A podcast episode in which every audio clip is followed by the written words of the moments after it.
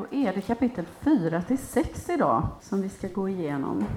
Alltså det kan ju vara så att det känns lite svårt om man betraktar sig som en vanlig kristen. Jag är inte säker på att det finns några vanliga kristna, men då och då så kan det hända att vi ändå tänker på oss själva som sådana.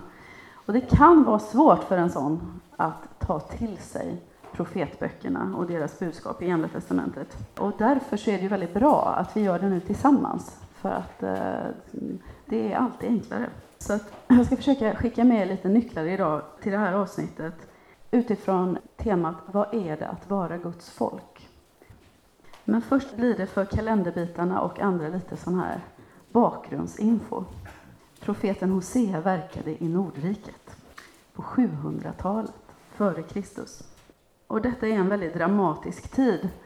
Vad gäller Israel som kungarike så minns ni säkert att det var ju från början inte alls meningen att Israel skulle vara ett kungarike som andra. Det här kan man läsa om i Första Samuelsboken. De hade ett system av härskare eller ledare som kallas för domare. Det var Gideon och Debora och det var Samuel. Men de nöjde sig inte med det. De sneglade över gränsen och såg en massa snajsiga kungahus och ville ha det som andra folk. Och I Första Samuelsboken 8 kan man läsa om hur en grupp visa män som folket har valt ut, de kommer till Samuel, han är då gammal. Han har lämnat över domartiteln till sina söner. Och Samuel var ju väldigt klok och god och from, men hans söner var inte det. De var inga bra domare och detta har ju naturligtvis betydelse för att folket inte är nöjda så som det är och att de gärna vill ha en kung. Och om man då läser i Första Samuelsboken 8 så kommer de att framställa den här begäran. Ge oss en kung som kan styra och döma oss. Det har ju alla andra folk. Det vill vi också ha. Samuel ogillade att de ville få en kung över sig och han bad till Herren. Och Herren svarade Låt folket få sin vilja fram. Det är inte dig de förkastar, utan mig. De vill inte att jag ska vara deras kung. Ända sedan den dag då jag förde dem ut i Egypten har de ständigt vänt sig bort från mig och tjänat andra gudar. Nu handlar de på samma sätt mot dig. Gör dem till viljes, men varna dem först. Låt dem få veta vilka rättigheter deras kung kommer att få. Alltså rätten att ta in skatt och skicka ut folk i militärtjänst och sånt. Men de låter sig inte avskräckas och så smörjer Samuel Saul till kung, en ståtlig man från Benjamins stam. Och sen så blir David kung vet ni, och sen så blir Davids son Salomo kung. Men efter Salomo så splittras riket. Då är vi framme i Första Kungaboken 12. Och Salomos son Rehabiam, blir kung. Men han är väldigt illa omtyckt. På grund av hans macho-attityd, får vi nog säga, så är det några som gör revolution under Jerobeams ledning. Han kom från Efraims stam. Han hade varit i exil och liksom bidat sin tid och nu så ser han sin chans. Så riket delas. Tio stammar samlas i norr under den här Jerobeam. Och Rehabiam blir kung över Juda och som det verkar också delar av Benjamin och Symeons stam i söder. Och så då 200 år senare så dyker Hosea upp och detta är då i Nordriket. Och det är ingen rolig berättelse. De har sex kungar på 20 år. Det är lönnmord, det är palatsintriger, det är väldigt mycket våld. Så att till Hoseas profeterande, ifall vi tycker att det är hårdsmält, så finns det en väldigt mörk fond. Och I kapitel 4 så sammanfattas läget på ett väldigt bra sätt, om vi läser från början där. Hör Herrens ord, Israels folk. Herren väcker talan mot landets invånare. Ty ingen trofasthet och ingen kärlek och ingen kunskap om Gud finns i landet. Förbannelser och lögner och dråp och stölder och äktenskapsbrott breder ut sig. Blodståd följer på blodståd. Därför sörjer landet. Alla som bor där tynar bort, också markens djur och himlens fåglar, och fiskarna i havet dör. Det är alltså splittring, det är osämja, det är hat, det är gudlöshet, våld, lögner, kriminalitet, taskiga relationer och miljöförstöring. Människans bortvändhet från Gud påverkar alla nivåer. Hennes relation till Gud förstås, till sig själv, till den andra och till den övriga skapelsen. Och efter den här tiraden så kommer dödsstöten, vers 4. Men ingen må anklaga, ingen må förebrå den andre. Det är dig jag anklagar, präst. Det är alltså kort sagt kyrkans fel, alltihop, att det ser ut som det gör i landet. Miljöförstöringen, alla trasiga relationer, allt våld, påstår Hosea är en direkt konsekvens av att ingen trofasthet, ingen kärlek, ingen kunskap om Gud finns i landet. Och om man tycker det är jobbigt att läsa den här boken så måste man ha den här mörka bakgrunden i åtanke. Om världen är allvarligt skadad så säger det sig självt att operationen kommer att bli blodig. Det kommer att krävas mycket tid och omsorg och att smärtan under tiden kommer att vara betydlig, kanske även med hjälp av smärtstillande. Men goda läkare ger inte upp för det, utan de jobbar på. I kristna sammanhang så talar vi om bortvändhet från Gud, att den får alltid konsekvenser på alla nivåer. Och det är ingenting som man kan hålla för sig själv och tänka det här är mitt lilla, my precious. Det drabbar ingen annan. Det drabbar alltid. Och om det nu är så, om det var så där och då och om det är meningsfullt för oss att läsa den här boken idag, då är inte vägen framåt att sopa all skit under mattan och tänka business as usual. Utan då måste vi säga som det är. Och det gör Hosea. Och det är jobbigt att läsa. Man skulle ju föredra lite mer mys och trevnad, en ljusare gudsbild. Lite sånt. Och just detta att vilja hålla det positivt och lättsamt, det kan vi ju känna igen från vår egen tid. Alltså det finns ju ett drag i vår kyrka idag, att man vill liksom avlägsna sig från gamla tiders schartavanska domedags svavelosande. Och sen så vill vi presentera någonting som är trevligare. Och det är inget nytt, för det vill de här också. De vill också ha, hålla sig med en optimistisk människosyn. Och då kan vi titta i kapitel 6, hur det kan låta. Och det här är intressant, för det här är den gammaltestamentliga texten på påskdagen, av alla dagar. Då så är det så här. Kom, låt oss vända tillbaka till Herren. Han rev och han ska läka oss. Han slog, han ska förbinda oss. Han ger oss liv efter två dagar. På den tredje reser han oss upp, så att vi får leva inför honom. Låt oss lära känna honom. Låt oss sträva efter kunskap om Herren. Så visst som gryningen ska han träda fram han ska komma till oss som ett regn, ett vårregn som vattnar jorden. Det är poetiskt, det är jättefint, det är optimistiskt och ljust och trevligt. Men det är inte sant. Det är väldigt märkligt att de har valt den som gammaltestamentlig text på påskdagen. För det är helt uppenbart att Gud tar inte denna bön på allvar. I versen som följer, vad ska jag göra med dig Efraim? Vad ska jag göra med dig Juda? Er kärlek är som morgondimman. Han genomskådar dem direkt. De är lite som barn som någonstans vet att de gjort fel, men som ändå hoppas att det inte ska vara så allvarligt. Att de ska kunna snabbt och lätt ge sig ut och leka igen. Kom igen nu mamma, tänk inte mer på det där. Jag kommer att tänka på Madickens syster Elisabeth. När hon har ätit upp huvudet på Madickens chokladpojke Jerker. Sin egen Sverker har hon ju för länge sedan glufsat i sig. Nu står hon bara inte ut med tanken på att Madicken ska ha allt sitt goda kvar. Och Madicken säger också mycket riktigt sen att Elisabet är lika glupsk som suggan i Appelkullen. Mamma blir arg på Elisabet och ställer henne till svars. Har du bitit huvudet av Jerker? Elisabet tittar åt höger, hon tittar åt vänster. Sen tittar hon rakt fram och säger, det kan hända, fast jag har glömt det.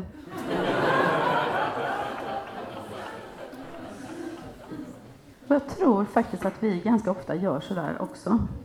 Vi hoppas att det där som vi ställde till med strax ska preskriberas. Och dessutom så finns det ju en massa förmildrande omständigheter hela tiden som orsakar att vi gjorde det vi gjorde, som vi tänker oss att Gud förstår och vet om.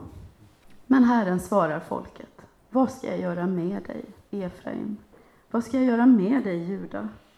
Er kärlek är som morgondimman, dagg som snabbt försvinner. Han säger inte så dåligt ni kommer ihåg och vilket påvert syndamedvetande ni har. Utan han säger, er kärlek är som morgondimman, flyktig, snabbt övergående. Hans tanke verkar vara denna. Om det finns djup, innerlig kärlek, ja, då springer man inte iväg och hoppas på det bästa när man gjort något dumt och tänker att den andra nog ändå tryckt på delete-knappen. Utan då vill man ju reda upp konflikten. Även om man inser att det kommer inte bli någon rolig stund. Men när man uthärdar så att säga operationen eftersom man längtar intensivt efter att bli frisk, att relationen ska bli frisk. Man längtar efter att komma tillbaka in i den innerliga gemenskapen. Och man fattar att enda vägen dit, det är att säga som det är. Att visa fram det där som man hade lust att gömma undan, att inte dölja det som faktiskt är sant, även om det är jobbigt att erkänna. Så bristande syndamedvetande verkar bottna i bristande kärlek. En viktig faktor till den där låt gå-attityden, och det är också en anledning till att, att jag tycker att den här profetboken är så aktuell, är att Israel under den starke kungen Jerobeam den andres ledning var ett starkt rike. Under hans tid så höll sig stormakten i området, Assyrien, ganska lugn. Så Israel kunde bygga upp sin ekonomi och trodde nog att nu när vi nått så här långt så säger det något viktigt om hur bra vi är, också inför Gud. Och vi målade ju en dyster bild här med miljöförstöring och splittring och allt det där. Men som ni kommer ihåg igår från detta med Gomer, det är inte alls säkert att Gomer själv uppfattade att hon hade det så som hon hade det. Och skildringen här, det är inte ens säkert att folket förstår att det är så de har det, utan de lever på som vanligt i sin goda, starka ekonomi och Assyrien håller sig lugn där borta. Och de trodde säkert att Gud var med dem i deras framgång. De kanske tackade honom lite förstrött. Men jag tror nog att det blev för dem som det också kan bli här i Sverige idag. Att välståndet kan ge oss utrymme att utforska nya religiösa strömningar. Och den där balkulten, den är ju väldigt trendig. Det är många som håller på med den. Det såg vi på tv, liksom popstjärnan Alana och skådespelaren, han den här snygge och dokusåpastjärnan. De har alla likat bal. Det måste vara någonting. Bal, detta var en fruktbarhetskult Gamle härlige biskopen Sven Danell skriver en liten bok att dyrka den lokala balguden ansågs skänka god årsväxt i varsin by eller nejd. Så att han var väldigt omtyckt under långa tider. Och det verkar ha blivit så att i takt med att välståndet i Israel växte under Jerobiams ledning så kom människor att rikta sin tacksamhet snarare mot balhållet då än åt den gamle Javé som vid det här laget säkert verkar lite träig och tråkig. Och nu blir det dags för dagens första bikupa. Alltså, jag hörde att någon berättade att i Kina idag så är det kristendomen som är trendig jämfört med den gamla taoismen som ungdomarna tycker är liksom lite trist. Och då skulle jag vilja att ni under några minuter talar med era grannar om detta med är det viktigt att kyrkan är relevant? Varsågoda.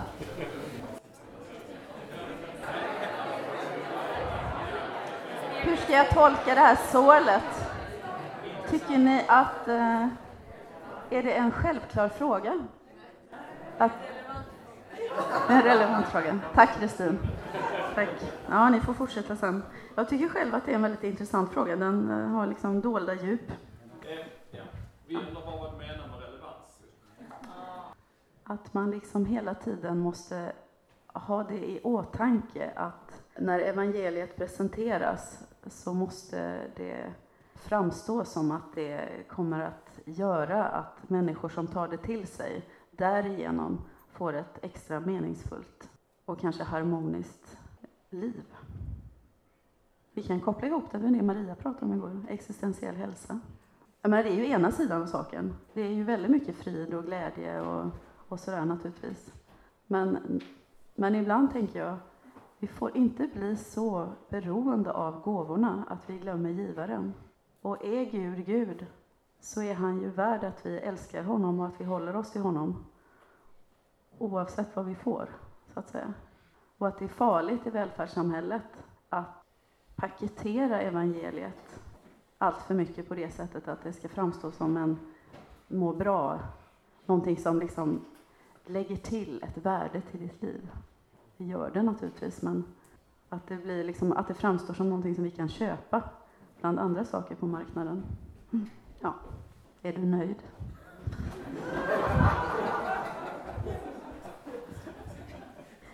Ja, så att vi har den här eh, då diskrepansen, precis som det var med Gomer igår. Det här inre armodet, att det inte är säkert att det syns utanpå.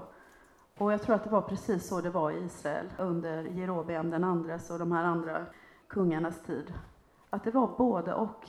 Det var både ett yttre välstånd, ekonomin växte, de kunde visa goda siffror. Och samtidigt så var det det här splittring, våld, miljöförstöring. Vi måste liksom se båda de bilderna framför oss. Men så blev det Israel i Nordriket, som så ofta i historien. När en stark ledare dör så blir det ett helt annat läge. Och 20 år efter Jerobiam den andres död så upphör Nordriket att existera. Så ömtåligt var det. Då invaderar stormakten Assyrien, som dittills hade hållit sig lugnt. Och när han dör då så har det precis kommit en ny kung i Assyrien.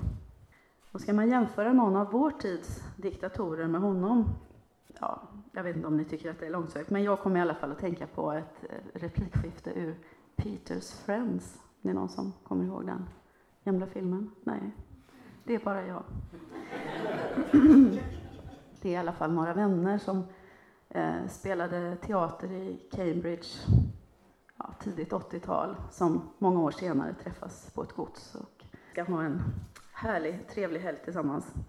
Och eh, Kenneth Branagh, han har varit i Hollywood och han har gift sig med en sån här fullständig vulgo-drottning som hetsäter på nätterna och hon ser ut som Joan Collins. Och så finns det lite olika människor där och så är det ju också Emma Thompson som jag ju då identifierar mig med. Den här flärdfria förlagstypen.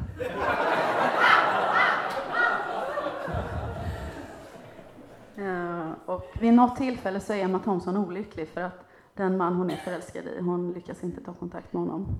Det visar sig heller inte vara meningsfullt, men det vet hon inte då. Och så sitter hon på natten, hon träffar den här hetsätande John Collins i köket. Och John Collins förbarmar sig över henne, liksom. nu, nu har hon sin chans. Och då säger hon till Emma Thompson så här, You make Mother Teresa look like a tart. Hon måste... Ja, du får Moder Teresa att se ut som en eh, prostituerad. Hon, hon vill uppmuntra Emma att, att, eh, att piffa till sig. Ja. Eh, och eh, hur som helst då så var det detta jag kom att tänka på när jag tänkte på eh, vår tids diktatorer och den här Tiglat Pileser, den tredje Assyriens, eh, den nya kungen där som gjorde att de invaderade Israel. Och det är faktiskt möjligt att Putin och Trump och allihopa, att de hade framstått som värsta fredsduvor jämfört med denne Tiglat Pileser. Nu, det är det jag vill komma fram till. Och han var en riktig machotyp. As in take over everything. Alltså Hosea, han, jag tror inte att han var någon så här proffsig politisk analytiker. Ändå så förutsåg han vad som skulle komma att hända i Israel, Nordriket. Och hans analys är den här. I sitt välstånd riktade sig folket bort från levande Gud mot en döv och stum avgud. Och det leder alltid, förr eller senare, i fördärvet. Förr eller senare banar mänsklig bortvändhet från Gud vägen för världshistoriens många tiglat pileser-figurer. Bristande syndamedvetande beror på bristande kärlek. Nu har jag ytterligare en sån här bikupefråga och den är också intressant så vi tar den med. Jag har skrivit så här. Diskutera med varandra. Blir syndabekännelsen meningsfull först när det finns kärlek i relationen? Till Gud alltså, från den enskilde sida. Så ska vi se. nu kan... Eh, Israels tragik är att de glömt vad Gud gjort för dem. Välståndet ledde dem inte in i Herrens famn, utan ledde dem än längre bort från honom som skapat dem och som kallat dem att vara hans. De blev av med sitt välstånd, de blev av med sin trygghet, med sin förutsägbarhet och de hamnar i exil. Och så här står det i Andra Kungaboken 17, och nu ska jag ta hjälp av Simon. Han ska få läsa ett lite längre avsnitt. Det handlar om situationen där vi är nu. Så Andra Kungaboken 17, från vers 6 till 20. Jag läser ur eh, den nya folkbibeln. I Hoseas nionde regeringsår intog Assyriens kung Samaria och förde bort Israel till Assyrien och lät dem bo i Hala och vid floden Habor, i Gosan och i Medians städer. Detta hände därför att Israels barn hade syndat mot Herren sin Gud, som hade fört dem upp ur Egyptens land undan faraos, den egyptiske kungens hand. De hade tillbett andra gudar och levt efter sederna hos det folk som Herren hade fördrivit för Israels barn, men också efter de seder som Israels kungar hade infört. Israels barn hade i hemlighet gjort sådant som inte var rätt mot Herren sin Gud. De hade byggt sig offerhöjder i alla sina städer, vid väktartornen såväl som i de befästa städerna. De hade rest stoder och asherapålar åt sig på alla höga kullar och under alla gröna träd. Där hade de tänt offereld på alla offerhöjder, på samma sätt som det folk som Herren hade drivit bort för dem. De hade gjort det som var ont och därigenom väckt Herrens vrede. De hade tjänat eländiga avgudar, fastän Herren hade sagt till dem, ni ska inte göra så. Herren hade varnat både Israel och Juda genom alla sina profeter och siare och sagt, vänd om från era onda vägar och håll mina bud och stadgar, enligt hela den lag som jag gav era fäder och sände till er genom mina tjänare profeterna. Men de lyssnade inte, utan var hårdnackade som sina fäder som inte trodde på Herren sin Gud. De förkastade hans stadgar och förbundet som han hade slutit med deras fäder och förordningarna som han hade gett dem.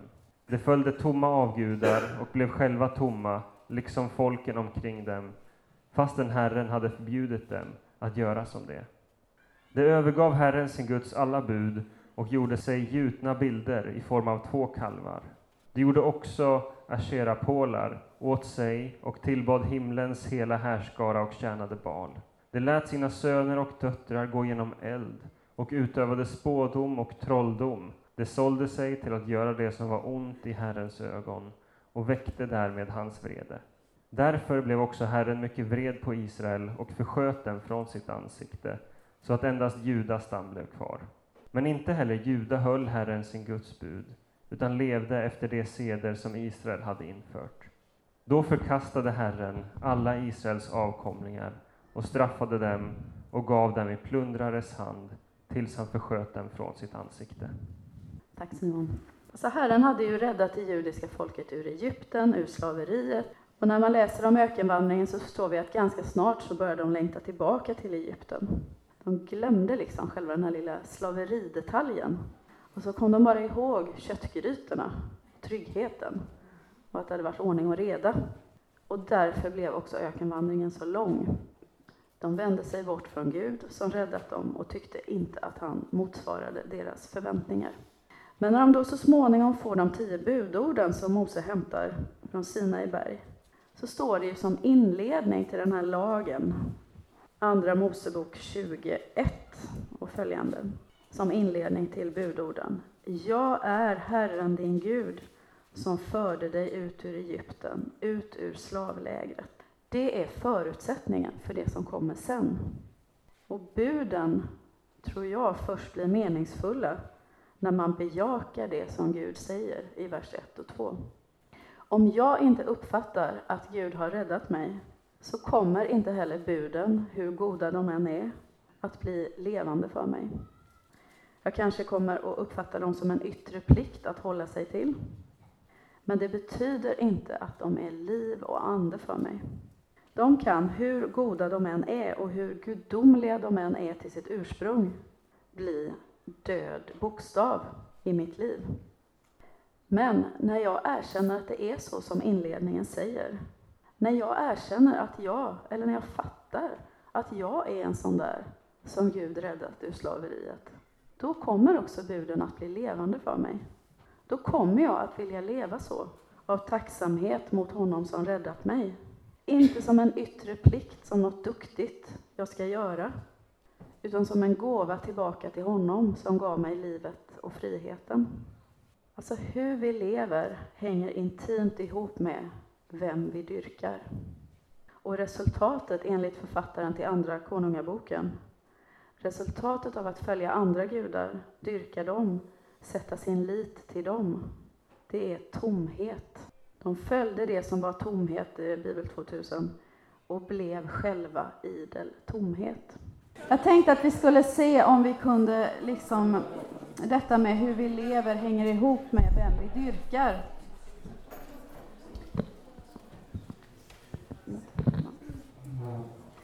Och de där gudarna som nämns i det här långa avsnittet som Simon läste, det är ju ingen som längre tror på dem idag och det är ingen som bygger sig asherapålar och sådär. Men vi kanske kan översätta det till vårt sammanhang.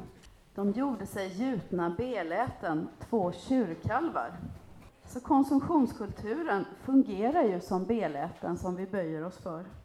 Det är soffor vi traktar efter, det är det nya köket, trädäcket med den där maffiga grillen, vi investerar väldigt mycket pengar, vi tar lån för att förverkliga våra drömmar.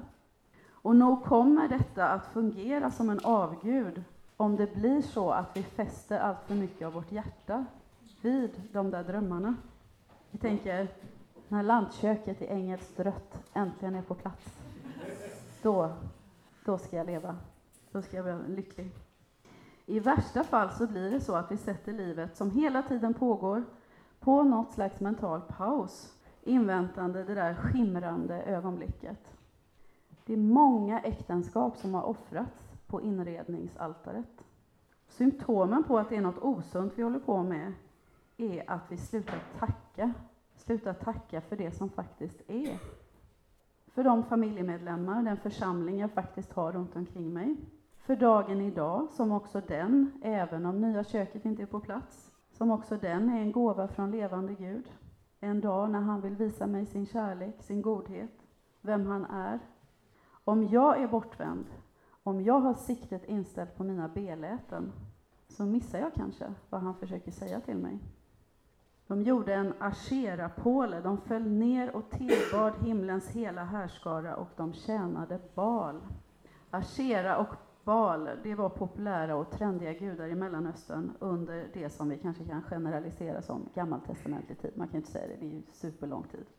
Men de dyker upp lite här och där. Klart att man vill hoppa på det tåget. Också idag finns den risken, den finns nog alltid. Sånt som syns och hörs verkar ha liksom kraft i sig. Och vad är det då i vår tid som framställs som evangelium, som ett gott budskap? Men som faktiskt inte är något evangelium när man skrapar lite på ytan. Vad är det i vår tid som får kristna bröder och systrar att vända sig bort från levande Gud, från tacksamheten till honom, från glädjen i honom, bort från bibelordet, bort från gemenskapen? I individualismens namn så finns det en hel del trender som människor, också kristna, följer. Men vad är det som får mig att älska Gud mer? Att allt mer fyllas av glädje? Att glömma mig själv till förmån för den andra? Vad för mig ut i verklig frihet? Vad är det som gör anspråk på att leda till frihet, men precis som bal och asheradyrkan bara har kraft att föra ännu mer in i fångenskap och ofrihet? De följde det som var tomhet och blev själva idel tomhet.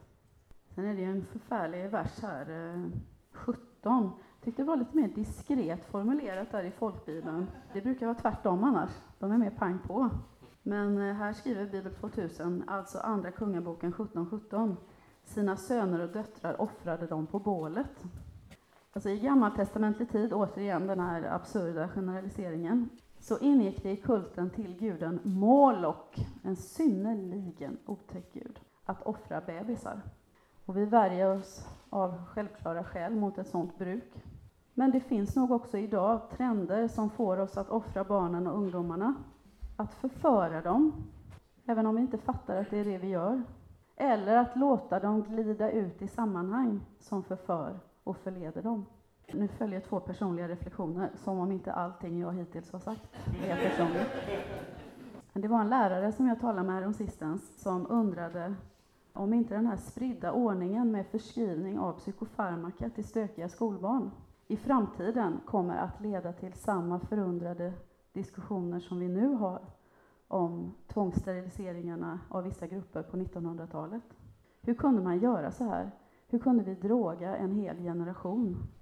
Bara för att slippa omaket med att uppfostra dem.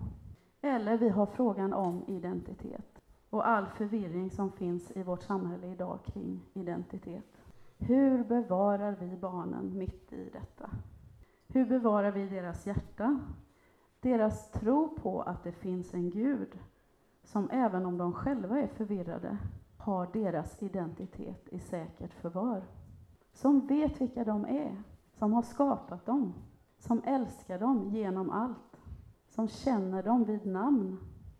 Och vilka är de falska evangelier som gör anspråk på att tala å barnens vägnar, men som faktiskt förleder och förför? Som påstår sig tala frihet, men som predikar en frihet som leder in i slaveri. De bedrev svartkonst och spårdom. På min lilla granngården-butik i Horred eh, så möter mig på en av hyllorna när jag kommer dit nu för tiden en mycket frodig buddha-staty. Och det är naturligtvis inte tänkt som uttryck för religion eller religiös påverkan, utan i somliga kretsar så anses det nog vara en kul pryl, en rolig accessoar att ha i trädgården. Ett urbant alternativ till den mer vulgära trädgårdstomten. Nu är ju inte Horred så väldigt urbant, men i alla fall. Och på verandan till många häng, hem hänger ju drömfångare. Här och där i mitt eget hem hittar jag Pokémonkort liggande. Längst bak i vissa tidningar är det sida upp och sida ner med annonser för spårdamer, sådana som spår i tarotkort. Det är hur mycket som helst som gör anspråk på att vilja hjälpa människor. Eller som visar upp sin förmenta kunskap om den osynliga världen. Titta här vad du kan få tillgång till om du bara söker dig till mig. Och det luriga är att även om författaren till Andra Kungaboken 17 sammanfattar allt detta som tomhet och att de som följer sådant själva blir idel tomhet, så betecknas det samtidigt som något ont. Bortvändhet från levande Gud leder människor in i tomhet, leder dem till synd, leder allt längre ner i träsket. Men efter alla dessa tirader, vad innebär det då för oss att vara Guds folk, om allt detta är sånt vi ska undvika? Vad kan vi lära oss om vilka vi är i honom genom att läsa profeten Hoseas bok? Några punkter så här mot eh, slutet av den här sessionen. 1. Att förstå vem vi tillhör. Även om man nog kan gissa att det till dels var oro för skörden som ledde Israels barn in i Bals armar, så är nog ändå den största och viktigaste förklaringen att det var välståndet som ledde Nordrikets människor bort från levande Gud. Detta är inte sagt för att romantisera materiell fattigdom. Jag har mött människor, det har säkert ni med, med feta bankkonton som ändå har haft sitt hjärta på rätta stället, alltså inte i bankkontot. Och det finns ju många exempel på hur fattigdomen kan föra människor in i missmod, bort från Gud. Förra sommaren hade jag en intensiv läsperiod. Jag slukade Per Anders Fogelströms Stockholmsserie Minns du den stad? Den handlar om människor som kommer till Stockholm, följer den industriella utvecklingen i Sverige och vad den gjorde med vårt samhälle. Med ett och annat undantag får man säga att Fogelström ger en rätt snål bild av Svenska kyrkan och dess företrädares kontakt med de hungrande massorna. Det finns, återigen sagt med vissa undantag, en distans. Och de frikyrkliga alternativen tycker jag att han avfärdar lite sådär från oben. Han gör sig till exempel ganska lustig över de barmhärtighetssystrar som höll till på Söder och försökte få ungdomarna från att fastna i spritmissbruk och för tidiga graviditeter. Nå, industrialismen ledde ju både till frikyrkorörelsen och den väckelsen och in i den mer kristendomskritiska och ibland direkt fientliga socialismen och kommunismen. Ni minns säkert eh, början på andra versen i Internationalen. I höjden räddan vi ej hälsa, ej gudar förstar stå oss bi. Nej, själva vilja vi oss frälsa, och samfälld skall vår räddning bli. Så även fattigdom kan leda människor bort från Gud. Men välståndets faror ska inte heller de bagatelliseras. Och kyrkan får akta sig så att hon inte förpackar evangeliet som må bra-ideologi. Att vi tror för att det har en massa positiva bieffekter.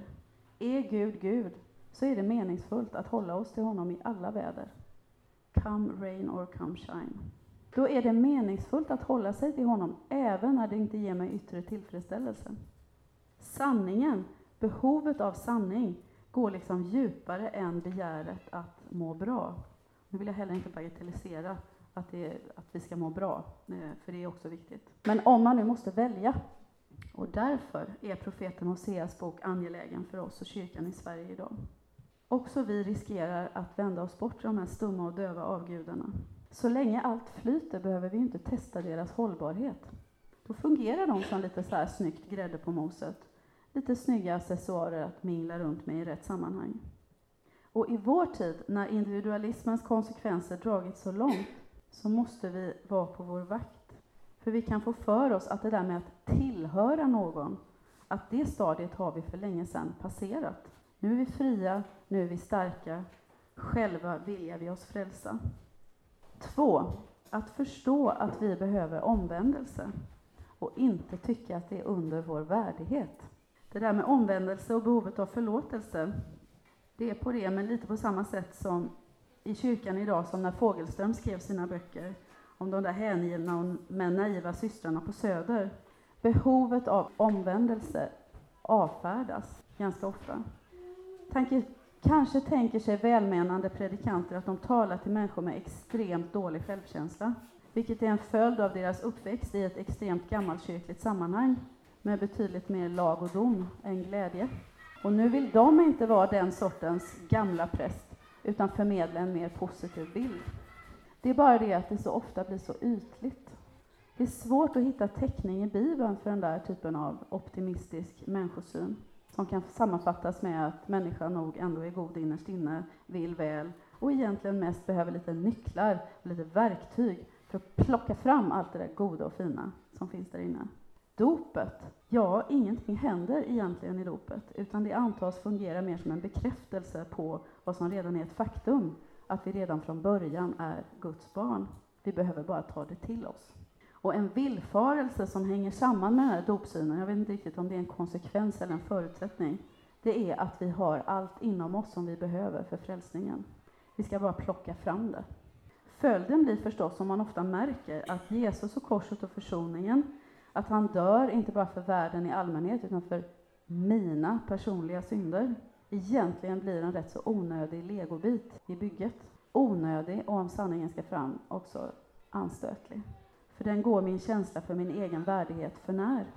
Men även den gamle, fine, fromme Nikodemus sa till Jesus, till honom sa Jesus, du måste bli född på nytt.